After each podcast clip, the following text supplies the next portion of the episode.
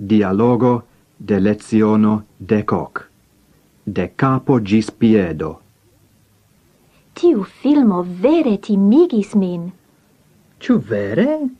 Mi trovis gin ne timiga, set ridiga. Oh, yes, nun vi povas sidi tranquille cae diri tion, sed ciam la attacanto cusigis Paulon sur dorse, desciris lian cemison, Pugno batis lian capon, cae scrapis per acrae ungoe liain vangoen, bruston cae ventron, vere prescau sen hautigis lin. Tion mi appena rimarcis, mi devas confessi, sed prescau mi saltis el la seggio, ciam Rachela perdis la iupon, cae tiu fripono pendigis sin per la longai blondai haroi, cae vipis sin per leda zono. Vi, vi tion giuis. Yes, Je tiu puncto mi versis orangio sucon sur mian cravaton. Oh, Petro, kial vi ne visis gin tui per la postuco? Vidu, vi maculis anco vian jacon, ec la manicon. Mi ne rimarcis?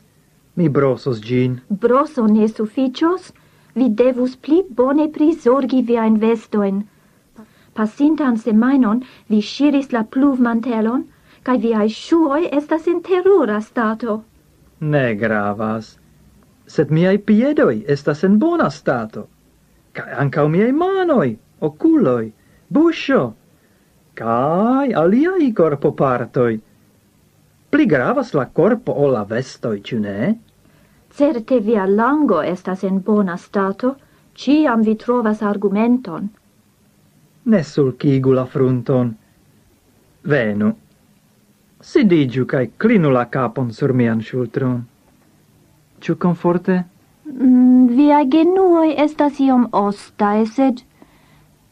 Ciu mi havas tiel belan visagion kiel Rachela? Yes, pli belan.